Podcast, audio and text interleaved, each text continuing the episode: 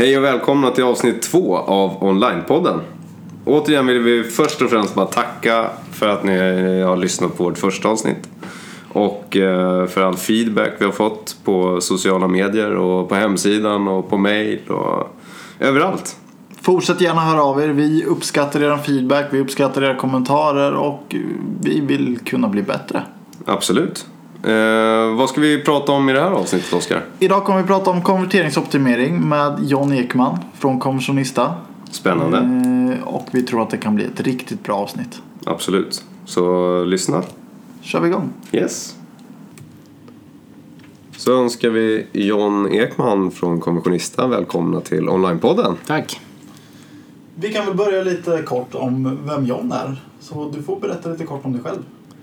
Ja, just det. Jag, jag blev nyligen presenterad på en konferens i Göteborg som att jag hade hållit på med, med internet sedan de första organismerna kröp upp på land. Så det är väl eh, något i den stilen. Men jag, eh, det var väl kanske lite kortare än det och jag började på ett företag eh, jag jobbade på Accenture var mitt första jobb och sen blev jag intjatad av en som heter Johan Stahl von Holstein till eh, ett företag som heter Ecom Medelab som var ganska känt under den här dotcom-eran.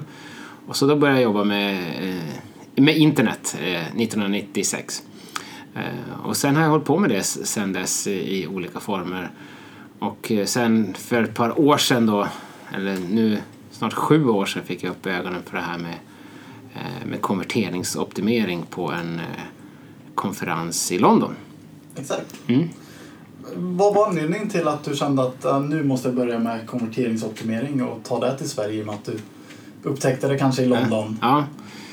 Eh, jag hade ju jag hade jobbat på, på Betsson då på, som casino manager och hade kommit där i ett läge när det gick ganska dåligt för de kasinon som jag var ansvarig för. Eller rättare sagt, de gick ganska dåligt Eh, och han som var chef där, Pontus Lindvall, slängde in mig och eh, sa nu får du göra någonting åt det här. Och så fick jag tre månader på mig att eh, vända det där. Eh, och då, fick, då ströp vi all trafik eh, och sen så tittade vi verkligen noga på vad, hur tjänar vi pengar på de kunder som vi har redan idag. Eh, och sen lyckades vi faktiskt vända det där på ungefär halva tiden, en och en halv månad. Sen jobbade vi väldigt fokuserat under det året som jag var chef för det där Eh, med att eh, liksom förbättra resultatet av de kunder som vi redan hade. Vilket, eh, innan det så hade man liksom bara köpt mer och mer kunder och sen på något sätt bara hoppas, håll tummarna att det skulle gå bra. Um, och det var då någonstans, det, det här var ju liksom konverteringsoptimering i skyttegravarna, typ utan Google Analytics och utan AB-testning och utan rätt mycket så här bara magkänsla för det var ju så mycket som var så otroligt dåligt så, så att det, det, var, det var liksom lätt att bara göra lite, lite bättre. Byggde på rena hypoteser på den tiden? Ja, på så basic stuff. Ja, men så, då, och så var jag då på en spelkonferens i London så såg jag då en kille som heter Tim Ash som är, han är VD för ett företag som heter SiteTuners och anordnar då det här Conversion Conference i, som är den största konverteringskonferensen i världen då, som finns på ett par ställen. Eh, och han höll då en, en dragning om konverteringsoptimering och då fattade jag på något sätt att wow, det finns de som jobbar med det här på riktigt, liksom, inte bara som, som jag gör. Och, och är konsulter och, och har stora kunder och, och, och vi, han visade på liksom, AB-tester de hade gjort och fått fantastisk eh, eh, uplift på det där.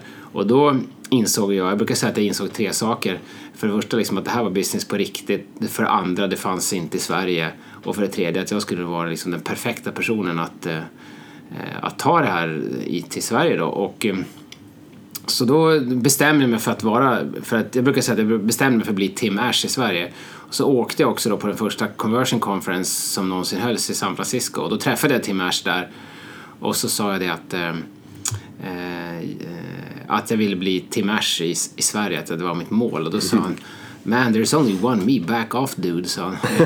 så, så det fick jag inte göra, men då Året efteråt så åkte jag tillbaka och då träffade jag Brian Eisenberg första gången som också är en, en auktoritet inom det här.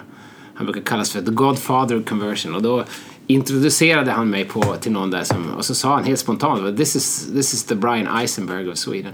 Så då fick jag tydligen vara Brian Eisenberg men inte Tim Ash. Och det tredje året när jag kom tillbaka då berättade jag historien för Tim och då sa han att det var okej att jag var han också. Så jag får liksom officially vara Tim Ash och Brian Eisenberg. Så du har blivit accepterad? Ja. det är en väldigt skön bekräftelse. där. Men på den tiden då var det ingen som höll på egentligen alls med konverteringsoptimering i, i Sverige? Eh, nej, nej, det var ganska lite och eh, en av de första grejerna som jag gjorde då, då, då försökte jag liksom pitcha det här till någon och, och berätta att de skulle jobba med det. Och, och den personen tyckte ju då att, eh, att saker gick liksom rätt så bra. Det var inte något större problem utan jag, han fattade liksom inte riktigt vad jag menade. Liksom. Vi är ju duktiga på webb här i Sverige. Så. Och samma, eh, samma kväll där var det, skulle jag boka en hyrbil och så hade jag sett total mega fail liksom på OK och Q8 på Statoil eller någon till. Och så gjorde jag bara en massa screenshots på hela min upplevelse och så, och så mejlade jag det till honom och så sa jag, du, liksom, menar du på allvar att du tycker att de här grejerna funkar liksom bra? Um, och så kom jag igång en diskussion med den personen och så började jag liksom trilla in uh, lite projekt. Jag minns att uh, vi fick liksom avhålla oss då från att uh, jag startade företaget själv. Mm. Jag fick avhålla oss från att eh, kalla det för konverteringsoptimering för det var ju liksom så här jätte... Alltså det är ett jättelångt ord, det går ju inte att säga det. Liksom. Vad det kallar ni det för då? Nej, vi pratade om att vi jobbade med konvertering. Alltså konverteringsoptimering är ett väldigt långt och knepigt ord. Så det var ja. ingen som sa det. Det var inga, inga googlingar på det eller någonting. Knappt konvertering heller, utan det var ju väldigt eh, väldigt nytt. Då. Så vi fick använda andra liksom, sätt att liksom, kommunicera. Så mycket sa man ju bara eh, såhär, göra besöka till kunder. Mm. Eh, den typen av, eh, av eh, terminologi. Men det var ju väldigt kul och jag startade ju själv liksom hemma i källaren i Sollentuna. Så eh, anställde jag, fick jag en praktikant som heter Maria Del Riccio som nu jobbar på Schibsted. Mm. Eh, och sen efter ett tag så var hon färdig med sin praktik och då Ja, det verkade bra att hon blev anställd och, och när hon började då, då fick jag, var jag tvungen också att skaffa kontor och så och så kom det någon till person som tyckte det där var intressant och sådär. Och så rullade det, rullade det på där helt enkelt. Och, och nu är vi ju 17 stycken här. Som, eh, så det har det hänt en del på fem år. Det växer fort. Mm. Mm. Ja, fort. Det finns ju de som växer ännu fortare men... Eh, men I lagom. Ja, i lagom. Ja. När ni började sälja in den här idén för företag, hur, hur mottogs det ute hos företagen? Var det många som gav kalla handen eller var det ett, eh, många som fick upp ögonen för det snabbt? Jag tycker nog att det var många som fick upp ögonen för, för det snabbt. Och i början så gick jag väldigt mycket på liksom mitt personliga nätverk och jag syntes på lite konferenser och sådär. Um, så att de allra flesta uh, tyckte att så, åh, vad, så nu kommer någon och, och ser det på det här sättet och mm. det, här var ju, det här var ju smart, det här var bra, det här har vi letat efter man kanske inte liksom riktigt visste att man, att man behövde den typ, att, man, att det var något man skulle jobba med. Men när man väl började prata med, med kom i, i kontakt med folk så var, blev det på, på något så här, poletten trillade ner rätt så snabbt kan man, kan man säga. Um, och det var också, jag vet att en sak, eh, en sak som jag har fått kritik för det är just att jag ibland kanske var, en del tycker att jag varit för negativ. Okay. Alltså att jag har stått och, och berättat om företag som gör bort sig dåliga saker på sina sidor etc. Och jag vet att det är någon konferensarrangör som inte har velat bjuda in mig som talare för att de tycker i princip så här, vi kan inte ta risken att vi har en sponsor som betalar 100 000 och så kommer den där galningen Jan Ekman och ställer sig på scen och, och, och liksom eh, pinka på deras sajt. Så, så det, det kan vi inte ha här. Eh, men det intressanta med det tycker jag att så konferensarrangören och, och, och journalisterna så kanske är lite oroliga för det där. Jag tycker att det har ju hänt ett par gånger att jag har stått på scen och så har jag berätt, visat något case på någon som jag tycker gör något dåligt eller mm. mindre mm. bra eller något sånt där. Och det har hänt ett par gånger att folk har kommit upp efteråt och varit från det företaget som jag har då precis sågat. Och i 100% av de fallen så tycker de, så säger de så här, det är skönt att någon säger det det är jättebra, det här ska jag gå med, min, till, med, till min chef. Vi, vi vet om det, vi tycker också att det suger, vi tycker att det är jättedumt. Och, men det, det är skönt att få lite extern validering på det, för, för nu får vi ännu mer momentum. Så jag har väldigt sällan varit med om att någon har känt sig liksom så påhoppad och, och att de eh, att de skulle bli arga för att jag gör det. Utan, utan det är snarare, det, jag tror att de flesta alla är väldigt, väldigt medvetna om att man har problem, man vill göra någonting åt det men man vet bara liksom inte riktigt var man ska börja någonstans. De står och stampar helt enkelt och ja, vet inte de ska kommer, ta nästa Vi vill förbättra konverteringsgraden, vad, vad, ja. vad gör vi för någonting? Vi är ja, otåliga liksom, komma mm. vidare, man vet inte var man ska börja. Just det. Mm i början där, varför tyckte du att det var så viktigt att företag skulle börja jobba med just konverteringsoptimeringen? Man kan väl säga att eh, eh, många företag kommer liksom på något sätt till vägs ände lite grann med sin, med sin annonsering. Eh, om man tittar på AdWords så ökar priserna typ 10-20% varje år. Så om man ökar sin budget 10-20% då hänger man fortfarande bara med och man ökar liksom inte sin marknadsföring. Eh, och i slutändan så blir det liksom, det går liksom inte att räkna hem de här kampanjerna och då måste man liksom börja någon annanstans. Och man, sen finns det ju också SEO och det finns annan trafik men om man tar det som exempel.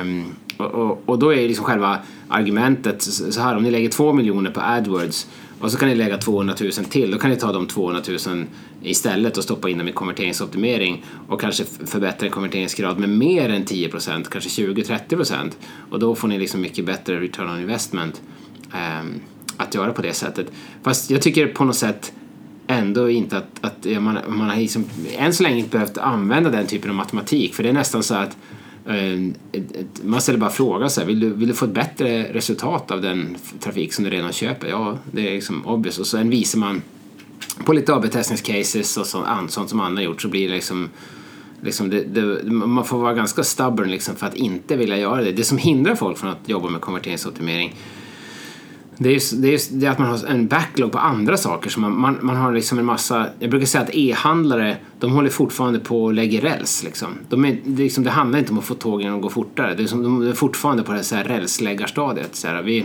vi, vi har ett förslag till er att ni skulle börja jobba med er, er konverteringsoptimering. Så här, ja, men du vet, vi, vi, måste, vi har inte, ingen responsiv design ännu och det är det stora mm. projektet för i år.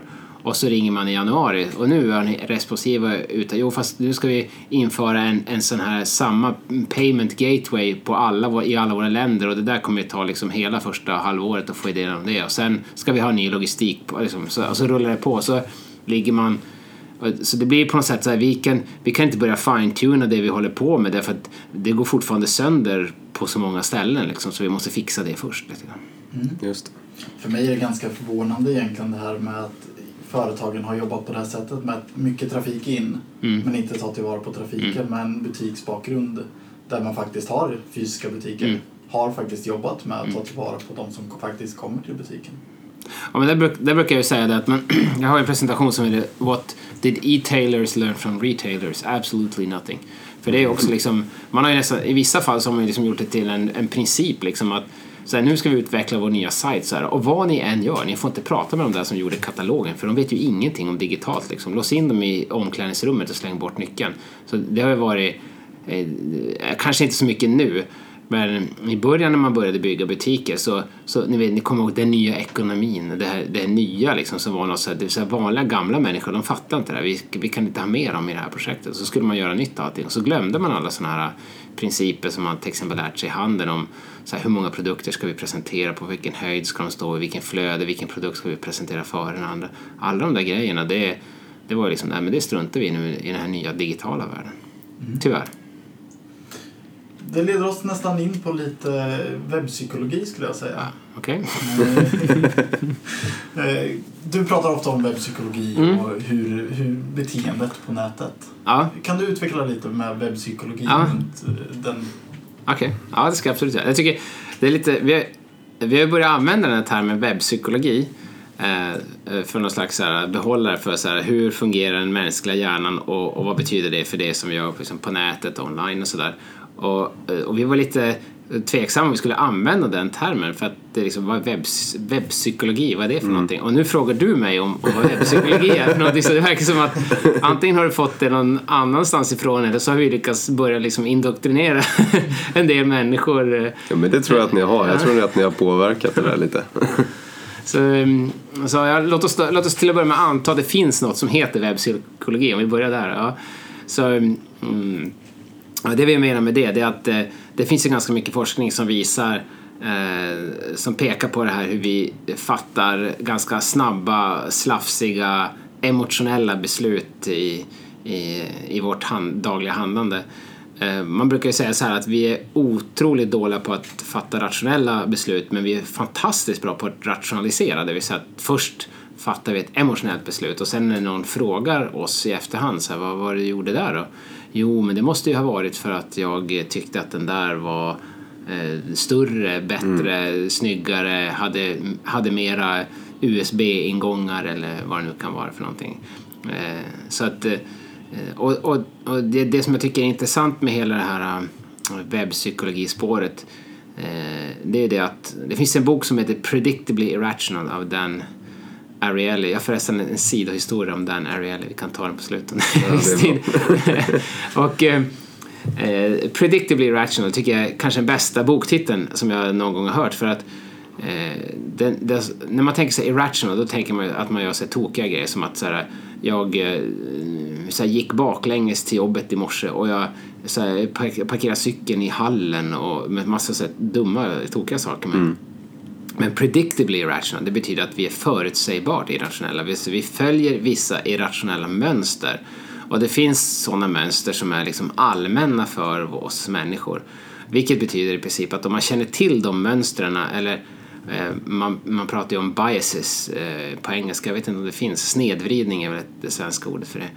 Och, och känner vi till de mekanismerna då betyder det att vi som, som jobbar då med att övertyga människor till exempel online då, så kan ju vi så att säga exploatera dem. Vi kan ju, vi, om vi vet vad de är för någonting så kan vi utnyttja det till vår fördel. Och det är det som hela det här eh, webbpsykologi-grejen handlar om egentligen. Och, eh, och då är det väldigt viktigt när man bygger hypoteser för avtestning, förbättring av sajter och så. Så är det väldigt viktigt att man bygger, att det finns en förankring i de här, eh, i hur människor agerar. För det man, man kan säga så här, det man vill förändra, när man jobbar med det vi jobbar, konverteringsoptimering, så det man vill förändra är människors beteende. Mm. Det finns andra grenar inom marknadsföring och, eh, och, och, och påverkanspsykologi som handlar om att förändra folks varumärkesuppfattning, eh, deras känslor, attityder. Det är mycket traditionell marknadsföring slår ju liksom mot, mot de parametrarna. Men vi jobbar bara med att förändra människors beteende.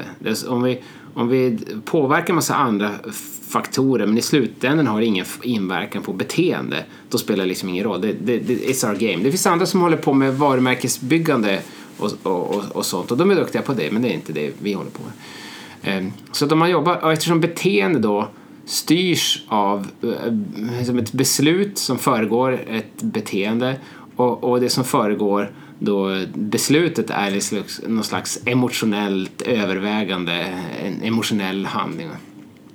Och då, då finns det liksom en, en, logik att man måste förstå hur man påverkar den emotionella delen av hjärnan för att få oss att fatta beslut. Och, och om man inte förstår det, då, då, då har man liksom då har man som en jättestor verktygslåda och så skramlar det lite eh, tomt där på botten. Och sen kan man säga så här också att det är också ett, det är ett eh, område som är otroligt fascinerande och det är eh, det är väldigt, ro, väldigt roligt att jobba med det. Det är väldigt kul att vara ute och prata med människor om det. För, vi, förlåt att jag igen. För, Förstår kunderna just webbpsykologitermerna liksom när du förklarar för dem hur de ska tänka och så vidare?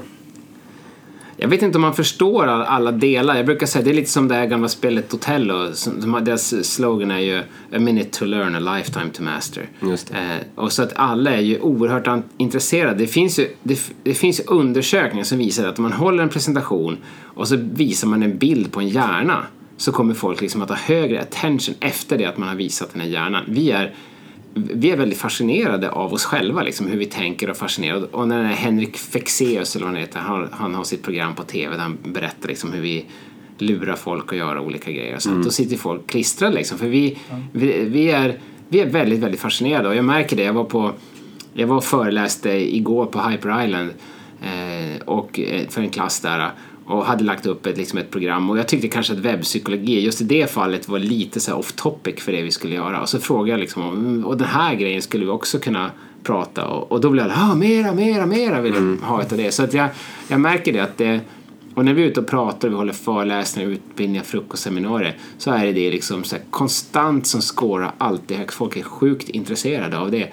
Även om när vi gör det i det allra mest kompakta formatet, en liksom bara en sån här 15-20 minuters pitch om det, så är det ju ganska få så takeaways som man kan ta med sig själv och bara direkt applicera. Mm. Och ändå tycker folk att det är så fascinerande. Man, man eh, tycker det är så overkligt att se de här bilderna på hur folk jag brukar visa ett exempel, ett exempel på det här som heter Change Blindness som, som handlar om hur en, en person ska lämna in en blankett, en blankett till en annan person i något, på något universitet mm. och så den här personen som tas emot blanketten böjer sig ner och så byter de ut den personen så in kommer en ny person och den här personen som lämnar över blanketten märker inte. 75 procent av de som utsätts för det här testet, de märker inte det. Och när folk ser det så blir de helt, det blir så mindblowing. Mm. Alltså, hur kan vi vara så blinda liksom? Så det där tycker folk är jättekul. Och jag med. Jag tycker det är Ja. väldigt roligt att jobba med det. Det lå- låter väldigt fascinerande. Du har ju ofta pratat om det på, på föreläsningar Ja. och även på ert conversion jam som ni håller Mm. varje år så Mm. har du ju bjudit in många gäster som pratar om just det här Mm. ämnet. Eh, och det är väldigt intressant att eh, lyssna på. Mm. Eh, men det är också, det handlar inte bara om att ha en webbpsykologi och tro att någonting händer. Mm. Utan det handlar, handlar faktiskt om hypoteser versus verklighet. Mm. Hur jobbar ni med det? Hypoteser versus verklighet, det var... Det var, det, Ja, det du nämnde, du nämnde AB-testing Ja, precis. tidigare. Nej, men hypoteser, hypoteser är verkligheten. det är på samma sida. Nej, men eh, man kan säga så här att vi, eh, vi och jag försöker verkligen säga så här eh, när jag säger hur vi jobbar så är inte det för att berätta liksom hur så här, överlägsna vi är andra, att man ska köpa våra tjänster och så, här, utan så här, vi jobbar på det här sättet och jag uppfattar oss ändå som ledande på det här området i Sverige. Och även om jag i och för sig hatar ordet ledande. Men eh, så... Um, och och då, då försöker vi ju säga så här, vi vill att alla ska jobba på det här sättet. Så strunt i oss, jobba inte med oss, jobba själva. Men, men gör på det här sättet. Och, och det vi försöker då säga det är det att det är väldigt viktigt att man formulerar sina hypoteser så att de bygger dels på egna observerade data, vad som händer på en sajt, var folk försvinner och var de kommer in och var de verkar tveka och etc. Eh, men också att man bygger det då på sådana här psykologiprinciper, för de två grejerna i kombination, alltså observerad beteende på en sajt i kombination med förståelse till var, hur folk fattar beslut och, och, och så. Det, det blir ju en, liksom en killer combo. Och sen gäller det då att eh, omsätta det där i tester och, och, och formulera baserat på att vi har sett att folk trillar av här och vi vet att folk gillar inte att eh, binda upp sig på långa abonnemang. Kan vi ändra vår copy till liksom ett softare, ett mjukare commitment som är istället för så här eh, starta din 24 månaders prenumeration här så säger vi mm, prova på att testa till exempel. Bara som ett exempel. Ehm, Men då måste vi ju då måste vi testa det och eh, så mäter man ju då förändringen efteråt och då mäter vi oftast eh, försöker vi alltid då göra sådana AB-tester och ett AB-test är ju för de som inte vet det, det vet väl de flesta vid det här laget men det Det hoppas vi i alla fall. ja, men, för så var det inte för fem år sedan. Nej. Det var det verkligen inte så. Eh, Men ett AB-test är alltså ett test där man, där man delar trafiken, splittar trafiken på sin sajt till exempel. Eller en app kan det vara. Eh, Och så får då hälften av besökare sin ena versionen och hälften den andra. Eh, Och sen så mäter man liksom utfallet. Man mäter hur många som konverterade eller klickade eller vad man nu gör för något på, på de olika versionerna. Så det jobbar vi. Vi vill ju att vi ska titta på data, vi ska förstå användarnas beteende, vi ska skapa en ny hypotes och så vill vi mäta resultatet eh, då för den hypotesen. Det är liksom den, den, den generella arbetsgången när vi jobbar och det tycker vi att det är viktigt att man, att man arbetar på det sättet. Det finns, Ehm, det finns ju lite saker som kan gå fel där och, det man märker med dem som ehm, eh, som har kommit igång kanske lite grann med AV-testning och kommit in i det här som heter, vi brukar kalla det för testing blues. Ehm, och då, eh, då är man, en sak som kan hända det är att man inte är tillräckligt noga liksom, i sitt hypotesarbete. Utan man läser lite bloggar och så hörde man någon som gjorde en grej och så kommer man på att då skulle man kunna liksom ändra den där knappen från eh, gul till orange istället. Och så gör man det. Och så blir det, så det blir 3% bättre och så sen eh, läser man en annan bloggpost där det står att man kan jobba med rubriker och så testar man en, en annan rubrik. Eh, och så håller man på på det sättet. Och så, vi brukar, det brukar vi kalla för shotgun testing approach. Liksom. Att man, man skjuter med såna hagelbrakare lite brett och så en, en del blir bra och det blir dåligt. Och så efter ett tag så, så kommer man liksom inte vidare. Man har, man har ingen solid metod för att skapa repeterbara resultat helt enkelt. Så att, som om, ibland blir det bra, ibland blir dåligt och man vet faktiskt inte varför det blir bra och varför det blir dåligt. Det finns liksom inga självklara alternativ där att just knappen ska vara blå eller orange. Jo, det eller finns ju alltid. Visst finns det alltid så här lågt hängande frukter. Vi brukar ju... Det är så här, så här just do it-hypoteser. Liksom. Det, liksom, man kan inte se knappen. Vi funderar på att göra så att man kan se den istället. Ja, det är liksom... Det är ganska Ja, logiskt. Ja, ja precis. Ja, men det, det finns ju massa... Det finns ju, eh, visst en, en del sådana grejer. Eh, men, men problemet som vi ser det är att eh, man, man är lite för dålig på att, eh, på att formulera sina hypoteser helt enkelt. Då får, och sen har man ingen bra process och ingen metod för att liksom skapa repeterbarhet. Och, Och, och, ett, och ett, en annan sak som det också kan leda till, jag, jag fick precis höra en berättelse från ett, ett mediaföretag här i Stockholm som har liksom satsat ganska hårt på det här med AB-testning i någon slags top-down approach och som säger att man eh, nu ska vi göra, nu ska vi göra jättemånga eh, AB-tester här och det här är viktigt. Här är, och sen så, säger man, så har man liksom en KPI som säger hur många eh, genomförda tester har vi per månad. Det är det man mäter. Viktigt, allting ska testas. Liksom. Eh, men så har man inte den här liksom solida hypotesmetoden. Så nu gör man jättemånga tester eh, och är, verkligen, är duktiga på det. Men det genererar inte så mycket resultat. Liksom. Därför att man, man testar kanske inte det som är viktigt. Eh, man har ingen bra metod för att generera. Man, man ser att det går fel på ett ställe men man vet inte vad man ska göra istället. Är det kostsamt för ett företag att AB-testa? Jag tänkte, kan man förlora väldigt mycket trafik på att göra det under en viss period? Och har folk den budgeten till att, till att Nej, det, nej, men, nej det, är inte, det är inte kostsamt. Det, det, det är snarare en prioriteringsfråga. Det, det, det är lite grann det här, vi har redan buggar som, där grejer går sönder liksom. Så, och det, det måste vi bara fixa. det. Eh, Så vi, vi kan liksom inte prioritera utvecklingsresurser till, till att liksom så här, göra liksom, vad heter det, det sista. Vi kan liksom inte polera fälgarna när, när motorn går på tre cylindrar. Liksom. Det, det, det, där är ju, eh, står en del företag. Så det är inte kostsamt. Eh, Men det finns inte så bra metoder för, för eller mm, det finns inte tillräcklig kompetens och, eh, och metoder. Så, eller det finns, men man, man använder det inte. Och det, är därför lite också, vi har ju den här utbildningen som heter Conversion Manager som nu har vi har haft över 100 elever och då lär man sig på nio tillfällen så lär man sig liksom grunderna i vårt yrke man säger så. Och, och anledningen till att vi startade den här kursen, dels är det ju såklart en affärsverksamhet för oss, men vår poäng var ju liksom också att vi såg ju, det finns ett otroligt kompetensgap i Sverige på det här. Och mm, alltså, arbetsgivare söker ju eh, människor som har den här utbildningen och det finns en massa människor som vill liksom komma vidare i sin karriär och lära sig nya saker. Så då, då såg vi den här utbildningen är liksom perfekt eh, i, i en slags sweet spot här. Man ser ju bara, vi är 17 stycken och våra konsulter som är här de är ju liksom, eh, jag vet inte hur många sådana här jobberbjudanden de får varje dag av alla som behöver liksom nu komma igång och jobba med det här för det finns inte tillräcklig kompetens. Exakt. Du har också uttalat dig tidigare om att du önskar en konversionista på varje företag. Ja, just det. Hur, hur står konverteringsoptimeringen i Sverige idag? Hur, hur ligger det till? Finns det en konversionista där, ute eller är det... Är det Nej, vi är en bit ifrån det va?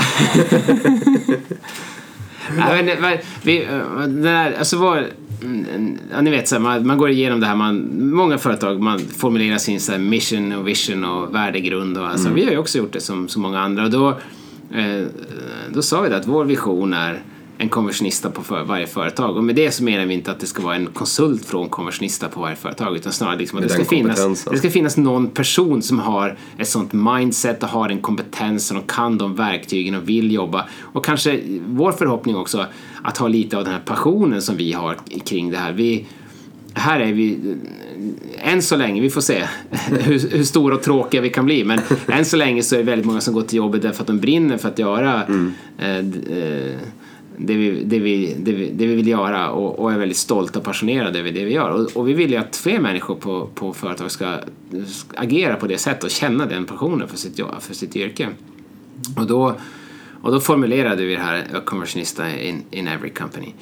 Eh, och, och än så länge är det ju så eh, jag brukar säga att det är, att det är lite, det är lite så här spridda skurar. Alltså det finns eh, det finns väldigt mycket individer där ute som det, det, finns, det finns inte så mycket hela team. Det finns inte så mycket ställen där det finns ett optimeringsteam som har bra synlighet och där ledningen liksom prioriterar deras arbete och tycker att det här är viktigt.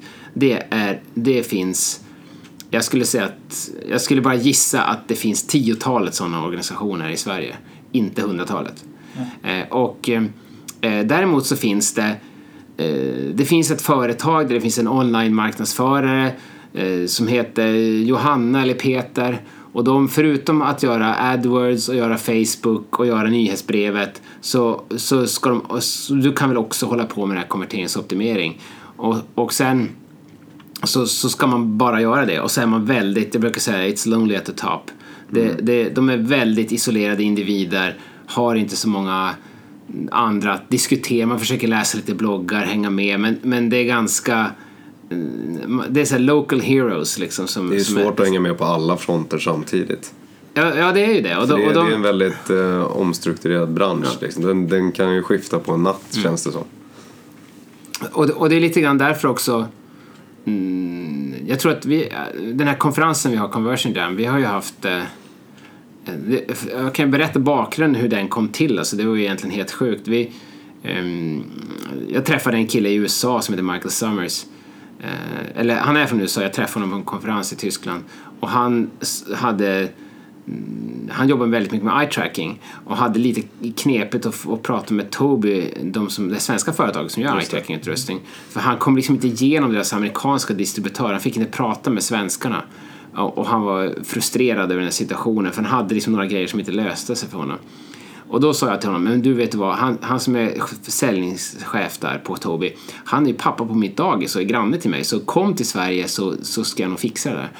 Och då kom han, och då var det någon till där som var på den här konferensen, då ville jag också komma. Och så var de plötsligt tre som ville komma.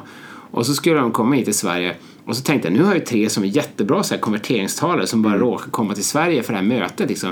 Då frågade jag dem, så här, kan, inte, kan vi inte göra någon slags så här, meetup, träffas, ha lite så här, konverteringshäng liksom. Så här. Ja, så drog vi igång det. Vi hade tre veckor på oss från det att de sa ja tills att det skulle ske. Eh, och då, vi hade 250 personer som kom första gången som vi fick ihop på tre veckor. Det är bra jobbat. Så, så det var ju helt galet vilket sug det fanns av det här. Och jag tror lite grann att varför det blev ett sånt sug det var ju också det att det fanns många sådana local heroes som var de, de var på sitt företag, de var intresserade av det här men de hade inte så många andra att snacka med. Så jag tror att det var värdefullt bara liksom så här, men, men hej, här är ett ställe där vi som håller på med det här kan hänga och liksom utbyta erfarenheter. Så jag hoppas eh, eh, jag hoppas att vi har kunnat bidra till det, att, att liksom få det få, eh, få det kännas lite mindre ensamt och utsatt för, för de här stackars plågade människorna där ute på olika organisationer, jag vet inte. Ja. Men det- Bara där ser man ju en utveckling. På er senaste Conversion Jam så var det ju över 400 personer. Ja, ja det var, det var rekord. Ja. Ja, Det var fullt i salen. ja, ja det var knökfullt. Sen får vi se, vi ska nog försöka hitta en annan lokal i år. Vi hade, vi hade bytt till en större lokal. Det var, vi hade lite klagomål på att sätena var för hårda. Man kunde inte sitta där en hel dag. Eh, Så jag vet inte om ni märkte det, men Ja, det var lite så här snedvridet. Vi, vi satt lite på kanten Ah, så att våra stolar riktade sig in mot publiken mer än vad Ah. de gjorde mot scenen. Men vi, det kla- var- vi klagade inte. Nej, nej, men vi hade bara där tittat på lokalen innan tyckte det såg väldigt fin och trevlig ut och så här, och, och det var ju på det musikaliska och tyckte att det kändes jättebra. Men det är klart, vi provsatte ju inte stolarna en hel dag och det, och, och det fick vi en del eh, eh, klagomål på då. Och, och vi är noga att samla in feedback och, eh, eh, och försöka ta till oss den feedbacken och, och, och göra det bättre från, från år till år. Hur ser framtiden i Sverige ut hur, eh, med konverteringsoptimering? Hur, eh, ja, du ser ljus på framtiden antar jag, men ser du några speciella trender? Ja, det är väl att, att folk börjar göra det på riktigt. Eh, absolut. Det är ju, alltså från, för fem år sedan, då var det knappt ing- ingen som kände till. Det var ju som ingen idé att köpa några AdWords på konverteringsoptimering. Det var inga sökningar på det eller något sånt där. Eh, Så det var väldigt tidigt. Det var, det var ju faktiskt också så att när jag var på den, eh, det jag berättade när jag var på den här konferensen och så sa jag att jag åkte, jag åkte hem och startade Konversionista. Det var, det var ett, det var ett tidsspann där på typ två år eller någonting. Ehm, det- För att jag, jag fick precis mitt eh, andra barn där och, och jag stod liksom i startgropen om jag skulle starta Konversionista eller inte. Och då kände jag så här att jag, nej men jag vill prioritera. Om jag, om jag gör det nu då kommer jag liksom inte ta ut någon pappaledighet. Och, och det liksom, jag, jag vill inte offra det. Så jag pausade där lite grann och, och vilade lite på hanen med att starta Konversionista och vara pappaledig. Och då, vilket för övrigt var en jättebra prioritering, så helt rätt. Men jag såg det när jag kom tillbaka, då var jag jätteorolig. och tänkte så här, nu har tåget lämnat stationen och det här, jag kommer liksom aldrig, och jag har missat mitt livs möjlighet. Liksom, så här, jag var seriöst orolig. Och så gick jag ut och började liksom prata om det och då märkte jag att det var ju ingen som hade det var, tåget hade inte ens, var inte ens i närheten. Nej. De höll fortfarande på att bygga tåget. Liksom. så det, eh, men det har hänt mycket och nu har det liksom kommit upp på agendan för många företag. Man kan ju stå på en konferens och säga ordet konvertera, jag jobbar med konvertering och de flesta fattar vad, man, eh, vad, vad, det, vad det är för någonting. Så det, finns, det är ju något som är, som är viktigt, det är något som är prioriterat. det kommer ju upp på agendan. Fortfarande är det liksom lite famlande sådär vad man ska, vilka ändar man ska börja och, och hur många man behöver anställa och vilka verktyg det finns etc. Men så börjar det finnas lite, börjar finnas lite teams. Det finns ju företag som jobbar som jobbar fokuserat. De är inte så jättemånga men det, men det finns ju och det där kommer ju att, att sprida sig. Och framförallt så tror jag väl att eh, det kommer liksom när, när, när kompetensen ökar, det finns fler och fler som kan liksom hantverk så är det såklart att då kommer det eh, då kommer det sprida sig och sen kommer det också eh, det kommer ju så kommer det gå åt andra hållet också. Det kommer mm. det kommer komma in fler företag som vill liksom konsulter som vill tjäna på det här som kommer att leverera undermåliga tjänster och kunder kommer bli förbannade. Och det kommer finnas företag som ägnar sig åt det här som vi kallar för alibi testing, alltså det är man testar fast inte med, som, med rätta metoder utan och man ser inga resultat. Och det finns ju, om ni kollar liksom, googlar lite bloggposter och så här, så, ni, så finns det ju trådar som heter så här varför AB-testning är bluff och båg och, mm. och, och eh, lurendrejeri och jag skulle aldrig liksom, gör inte det. det jag försökte det och det, hade, det var bara skitsnack, jag fick ingen effekt av det. Och så. så det finns ju, det, det kommer ju slå över på det sättet också. Finns det någon rädsla att eh, oseriösa aktörer får lite för stor marknad och ni lite mindre seriösa bolag Lite mindre seriösa? Nej, lite mindre bolag som är mer seriösa tänkte jag säga. Får, eh, får kämpa lite hårdare. Nej men det är klart vi kommer få kämpa hårdare. Vi, eh, vi har ju eh, varit liksom så här, eh, förvånansvärt liksom ensamma eh, på den här marknaden utan egentligen... Liksom, jag, när, när folk frågar så här, om det finns några direkta konkurrenter till oss då brukar jag säga att det finns, det finns ju inget företag i Sverige som jag känner till som är, har den storleken som vi har och är 100% liksom nischade på att jobba med konverteringsoptimering. Sen finns det ju såklart, det finns en webbanalysfirmor som har eh, övervägande webbanalys och eh, Eh, lite konverteringsoptimering och så finns det ju de här SEO och SEM-konsulterna som också har några stycken som jobbar eh, med det här. Men det är självklart att det kommer ju komma eh, betydligt fler företag tror jag som, jobb, som jobbar med konverteringsoptimering. Och, och det kommer säkert bli liksom ett offering som, som ingår för de här stora drakarna kanske, liksom Accenture och jag vet inte vilka andra sådana konsultfirmor som kommer att göra det. Men än så länge är det nästan, för oss är det bara bra om det kommer fler, för det drar marknaden ännu mer. Vi har liksom varit lite så ensamma med att, med att dra marknaden utan att nu kanske någon hör på det här och tycker att jag har storhetsvansinne men, eh, men det, det, så har, ja, det är min uppfattning att det har varit på så sätt. Någon kan ju få kommentera podden mm. och, och, och, och, banka med huvudet och, och så, så, lyssnar jag gärna på det om ja. jag har fel. men jag, att det ska, det kommer, så, såklart så kommer det ske en det kommer ske att det kommer komma säkert ett antal företag som, som kanske upplevs som mindre seriösa och, och är mera Eh, så här, inne för snabba cash om man, om, mm. om man säger så. Och, och jag, jag, jag, jag, hoppas att det återspeglas i det vi gör och hur jag, hur jag framställer mig och mitt företag. Men jag, jag brukar säga så att jag, jag fyller 50 här om eh, typ hur, nio dagar. Helt sjukt. hur gick det till?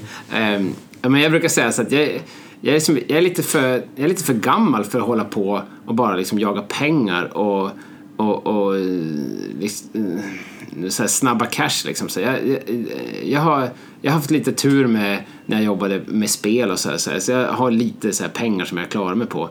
Och, eh, så jag vill, jag vill jobba för att ha kul, jag vill jobba för att entusiasmera och lyfta andra människor. Jag vill göra bra, jag vill göra bra grejer och sen kan jag i slutändan liksom plocka ut en hyfsad lön på det så tycker jag att det är, det är jättekul verkligen. Mm. Um, men det, det, det är ju så i alla branscher så kommer det alltid komma människor som är kanske mer motiverade av pengar och ser det här som en tillväxtmarknad och vill aggressivt liksom expandera, ta marknadsandel, ta kunder.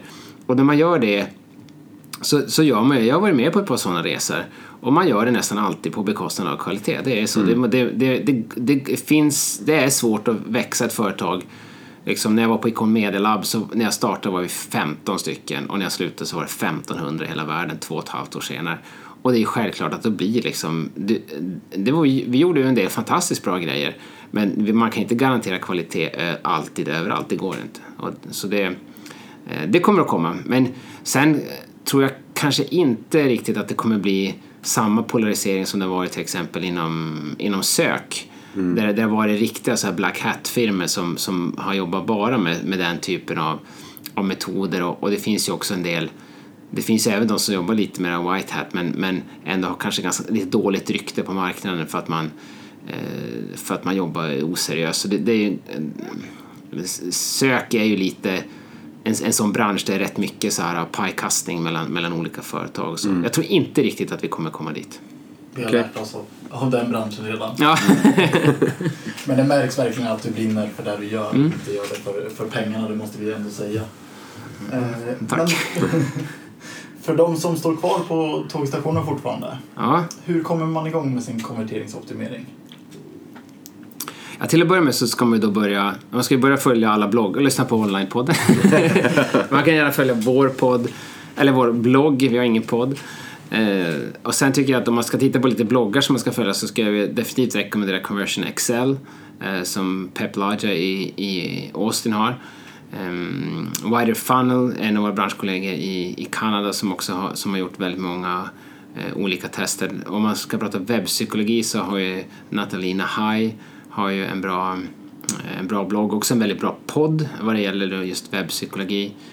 Eh, ja, det, var, det var några stycken, det finns, eh, det, det finns fler. Vi har också en, en eh, vi har en läslista just vad det gäller så här webbpsykologi som den ligger på konversionista.se webbpsykologi heter den, med två B. Eh, Och där finns de här viktigaste böckerna inom det här området som man kan liksom ta en läslista. Det kan, det kan vara en intressant eh, eh, eh, en intressant start. Men sen tycker jag nog, om man ska starta så, eh, nu talar jag lite grann emot mig själv, men ett, ett bra sätt att starta kan ju vara faktiskt att bara starta. Alltså, Ja. alltså inte liksom stå och tveka för länge över den perfekta hypotesen.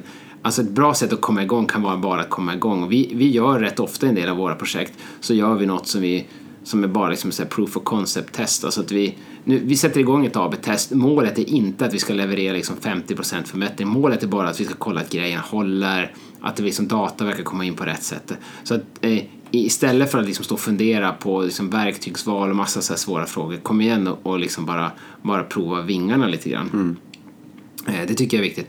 Och sen för de som eh, sen när man då vill börja, man vill börja jobb, jobba nästa steg i testningen då, det är ju såklart att involvera flera på företaget. En, en ganska vanlig grej som vi gör det är ju liksom att vi pratar med kundtjänst. Så. Vi, nu, okay, vi vill förbättra vi märker att folk liksom eh, droppar av här. Vad, vad, vad kan det bero på det? Kan vi, använder vi fel ord? Vad har, vad har de egentligen för problem när de kommer in på den här sidan? Vi, vi snackar med dem i kundtjänst och, och så pratar vi med produktägarna som också känner till och, och sen går man runt liksom i organisationen och formar, eh, formar liksom en, en, en, så det blir liksom en team effort att, eh, att, eh, att jobba med det här. De allra flesta tycker att också att det är väldigt det är kul, en ny grej och vill gärna hoppa på det här tåget. Så jag skulle nog rå- råda eh, de som är ute på företag att eh, dels läsa på då om liksom metoder och processer. Sen i ett första tag eh, testa på det och sen börja liksom eh, sprida lite grann det här goda exemplet också. Det man, eh, lyckas man, det är ganska fascinerande när, man, när, när folk ser liksom vilken effekt man kan få på man, eh, liksom om man ökar sin försäljning med 10 procent så, brukar jag säga så här det kanske inte märkas så vär, märkvärdigt men om du tänker i en offline-värld så, här, så, så så här, att öka sin försäljning så här, från år till år med 10 procent liksom, för hela koncernen, det är ju rätt många företag som typ, tycker det är ett bra mål. Liksom. Oh ja. eh, och vi kan liksom göra det med ett enda AV-test. Så, att det, så det, ibland är det ju ganska liksom, mindblowing vad, vad, vilka fantastiska saker man kan göra. Så att, har man eh, eh, Går det bra i början och man kan få den här typen av goda exempel då, då kan det liksom börja flyga i organisationen och så kan man, eh, kan man komma vidare på det sättet. Nu när du ändå sitter här och ger folk lite tips. Har du tre snabba lästips kan vi säga? Eh, på dina, dina absoluta favoriter inom eh, just konvertering. Eh, Lästips, menar du bloggar eller böcker? Bloggar, eller? böcker, vad som. Jag, jag ska berätta historien om Dan Ariely. Ja, kör. vi tar den istället. Då. Dan, ja, men det är ett lästips. Ja. Ja. Dan Ariely, eh, han är ju en ganska eh, så här, framstående talare just vad gäller webbpsykologi, eller inom det, eh, inom det större området som kallas för behavioral economy. eller beteendeekonomi. Det var ju så, psykologerna de lyckas ju rebranda liksom sin tråkiga psykologi till att handla om ekonomi plötsligt och då blev det ju liksom, oh wow, det här är ju pengar liksom, nu beteendeekonomi, nu, då blev plötsligt intresset jättestort mm. för liksom, vem orkar bry sig om en gammal mossig psykolog i Birkenstock mm. liksom. Ja. Och han skriver mycket om det, han har skrivit en bok som heter Predictably Rational. Eh, han var talare på en konferens här i Stockholm och jag visste att han var i stan. Eh, och jag visste också att han var ledig på kvällen, hade jag fått höra av konferensarrangören. Så jag tänkte jag måste få gå, gå och ta en öl med Dan Ariely. Och jag visste vad han hade för mailadress, mm. men jag känner ju honom inte överhuvudtaget. Mm. Och så tänkte jag så här, jag måste skicka ett e-mail till Dan Ariely och fråga eh, om jag kan få träffa honom. Eh, och då tänkte jag så här, vad skriver man? För eftersom jag jobbar liksom med så här, eh, persuasion psychology, övertygande psykologi, då vet jag, subject line är det viktigaste i ett sånt här mail. Vad ska man skriva för någonting för att få ta en öl med Dan Ariely? Eh, och då tänkte jag mm, två saker. Fokusera alltid på mottagarens behov, inte på dina egna. Så eh, säg inte att jag skulle vilja träffa honom. Mm. mm. Det är det ena. Och sen finns det också något som kallas för doppelganger-effekt som är det att vi hajar till när vi ser en bild på oss själva. Eh, och mildare versioner av den här doppelganger-effekt det är till exempel eh, ibland om ni, jag bor i Sollentuna eh, och ibland så får jag e-mail, jag handlar någon gång på de här som heter Konrad och ibland så brukar de skicka mejl så här, John, just nu i Sollentuna, alltså, det, när man ser sådana här spamannonser typ mm. så här, i Facebook så, här, så kan det ibland vara så här, mm, så här hetaste singlarna i, i Sollentuna. Och så här. Man försöker knyta kny, det där lokalt liksom, för då har det plötsligt högre relevans. Så jag skrev ett, ett, ett e-mail till Dan Ariely där det stod så här, Need a Stockholm drinking buddy? Question mark. Eh, så jag frågade inte vad jag ville, jag frågade om, om han behövde mm. en drinking buddy. Um, och så hade jag ordet Stockholm i, i, i subject line, för jag visste att han var i Stockholm och att han skulle ha hög attention på ordet Stockholm. Men alla andra, för allting som rör hans vistelse här i Stockholm skulle ju vara relevant för honom. Så, det, så det handlar mycket om relevans. Och eh, ja, typ en halvtimme senare så var jag tog en öl med Dan Ariely, så det var... Häftigt. Ja, det funkade. och eh, och jag skulle, den, så den boken skulle jag jättegärna rekommendera för att den, är, den innehåller många sådana här eh, lite så mind-blowing experiments och den, den är så här populärskriven. Den, den tycker jag eh, eh, jättekul. Och det, apropå tips så leder ju det också in till liksom en av de saker som jag tycker att många eh, webbsajtägare eh, har problem med. Mm. Eh, och det, det, problemet har ju då Brian Eisenberg, han, har ju, han brukar säga så här, you can't read the label from inside the bottle. Alltså det här inifrån ut perspektivet. Vi är liksom Um, han brukar säga there's, there's one person genuinely disqualified from understanding your business, you. Eh, och ja, det vill säga att det är väldigt, väldigt svårt att se vad man själv gör. Och det leder ju då till att många som har webbsajter de tar liksom för självklart att besökarna vet vilka de är och vad de håller på med. Så bara de här enkla orden, bilderna som i början av ett webbesök liksom etablerar relevansen. Vad håller det här företaget på med egentligen? Mm.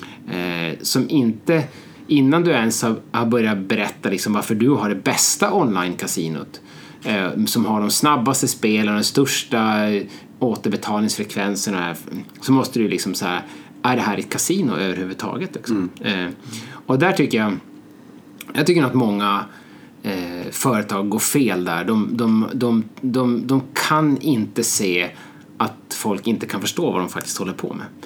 Eh, och sen är ju det, det där är liksom lite beside the point om man råkar heta så Nordea eller H&M eller något sånt där. Men om vi, om vi tittar på lite mindre företag som kanske inte har den varumärkeskännedomen så tycker jag där finns det, där finns det massor att göra. Mm. Och, och en enkel och då kan man fråga så här, men okej, okay, men hur tar man reda på det då? Ja, då kommer jag in på lästips nummer två. Det låter som jag förberett det. men det finns ju det finns en bok som, som heter Don't Make Me Think av en som heter Steve Krug. Eh, och den eh, titeln handlar liksom om att eh, eh ofta vi, ställer, vi gör det jobbigt för folk som kommer in på våra webbsajter och då uppstår det liksom stora frågetecken ovanför deras huvud. De blir tvungna att tänka liksom. Så han Eh, hans bok handlar om Don't make me think, liksom bara få folk att bara flyta igenom på webbsajten. Och han är väldigt stark förespråkare av det här med liksom agila användartester. Hans, hans, man, eh, han typ eh, såhär, varje fredag förmiddag då testar vi på det här stället. Liksom. Så vi testar en gång i veckan. Gå ut, eh, hugg några folk, eh, sätt dem framför en skärm, eh, kolla vad de gör för någonting, få lite user feedback och så liksom in i loopen. Så ett enkelt sätt för att liksom till exempel etablera det här med relevans det är ju liksom bara att ta ta din sajt på din dator och så går du ner på Wayne's Coffee och så ger folk en kaffe och så, frågar, och så visar de det. Du, eh, så här, är du intresserad av det här? Vad tror du de här, den här sajten? Testa dina konkurrenter också. Det, eh, släng upp konkurrenternas sajter och låt dem välja. Liksom. Varför valde du den ena eller den andra? Eh, så det finns ju väldigt, det finns ju väldigt enkla sätt och, det är ju bara liksom, vad heter det, get out of the office. Det, det, och man behöver ofta om man, om man jobbar i alla fall med konsumentprodukter och så, så behöver man inte vara så fruktansvärt noggrann med sådana här målgruppsurval och sådana här saker därför att eh, många av de här frågorna är ju om man, om man har hyfsat bred, breda målgrupper så, här, så, så är det liksom de flesta är ganska representativa kring de här frågorna liksom, att man fattar vad produkten är eller, eller inte. Eh, så liksom ut på eh, Espresso House eller Wayne's Coffee, ta med en dator, ta med några så här kaffecheckar, fråga, liksom, sätt folk framför en dator och spela in vad de gör för någonting. Det, kom, det skulle många företag lära sig. Och istället så går de och funderar månad efter månad så gör de så här affärsplaner och så funderar vi på att vi ska ta in en konsult som gör liksom så här användartester och vi ska välja ut målgrupper och allting. så har det plötsligt gått tre månader tre månader som du inte har fått det som, när man pratar lean startup så pratar man ju om så här validated learnings. Alltså att du får användare på din produkt och, och, och som observerar vad de gör för någonting. Så det skulle jag säga, eh, det är ju något som folk skulle kunna använda sig väldigt, väldigt mycket av. Så, så att, skit i lunchen idag. Jag går ut och gör ett användartest istället. Det är allt det kostar. Vi kommer också lägga upp lästipsen på, på vår hemsida Ja. och även länka till, till er hemsida och lästipsen där. Mm. Så att ni behöver inte komma ihåg alla här och nu. Ah, okej, ja. Eh, om vi börjar avrunda där och eh, går återigen in på Conversion Jam. ja. Eh, kan du redan nu avslöja vilka årets stora gäster är? Ja, stora gäster. Inte så stora som Stig Krugh, för han är faktiskt han är också stor fysiskt. han, I sin bok så, så säger han att en av de viktigaste grejerna när man ska ha användartester att man har mycket, mycket snacks i i rummet. Liksom. Och det märks att man har gjort mycket användartester. Ehm, ja, det stora namnet som jag har lyckats få hit från USA det är ju Neil Patel som är grundare av Kissmetrics och Crazy Egg. Ehm, han är ju en riktig sån här äh, Silicon Valley hotshot och, och eh, förekommer väldigt mycket inom sån här growth hacking-sammanhang och konferenser. Eh, Så det är fantastiskt att vi lyckas eh, få hit honom. Det ska bli jättekul. Vi sa ju också förra året att vi ska, det här året ska vi ha mer fokus på growth och eh, eh, som konverteringsoptimering och growth, hur hänger det ihop? Eh, så han är väl kan jag säga nummer ett och nummer två, om man, om man nu ska ge dem nummer, jag vet inte. I alla fall så kommer Pep Laja som har bloggen Conversion Excel, världens största konverteringsblogg, eh, kommer att komma. Så han har ju, det är klart intressant att, att vad kan man lära sig av den som har liksom den största bloggen, det är ju jättehäftigt. Och eh, sen kommer Oli Gardner som är grundare och eh, head of marketing på Unbounce som är världens största sån här landningssideplattform, mjukvara. Så han kommer att prata liksom, lite grann så här, vad har vi lärt oss från typ så här, en miljard landningssidetester eller någonting, jag vet inte hur många de har gjort. Och sen har vi Joanna Vibe som driver en sajt som heter copyhackers.com eh, som är en otroligt duktig eh, copywriter som kommer att komma. Eh, så alla de där tillsammans med då de svenska talarna som jag inte har, har gått in på för vi har haft ganska mycket diskussioner men vi blev klara med den här dealen med, med Neil och Company alldeles i dagarna så jag har inte hunnit så här, det är inte så firm ännu med de svenska talarna så jag vill inte prata om det ännu riktigt. Nej, Nej. det kommer. Mm. Vi ser i alla fall fram emot det. Absolut. Ja, jag, det tror jag hoppas vi kan behålla vår vibe där. Det, det har haft många, väldigt många som har varit väldigt nöjda. Inte bara med innehållet men också liksom lite grann stämningen och sådär, passionen och, och chansen att träffa likasinnade och, och, eh, och så. Så jag hoppas att eh, jag hoppas att vi kan återupprepa det vi har lyckats med förut. Det tror jag inte är någon omöjlighet. Nej. Med det så säger vi tack till John Ja. och vi önskar också grattis i förskott på födelsedagen. Ja, tack. Och hoppas att det var ett bra avsnitt. Tack Ja. så mycket. Tack så mycket.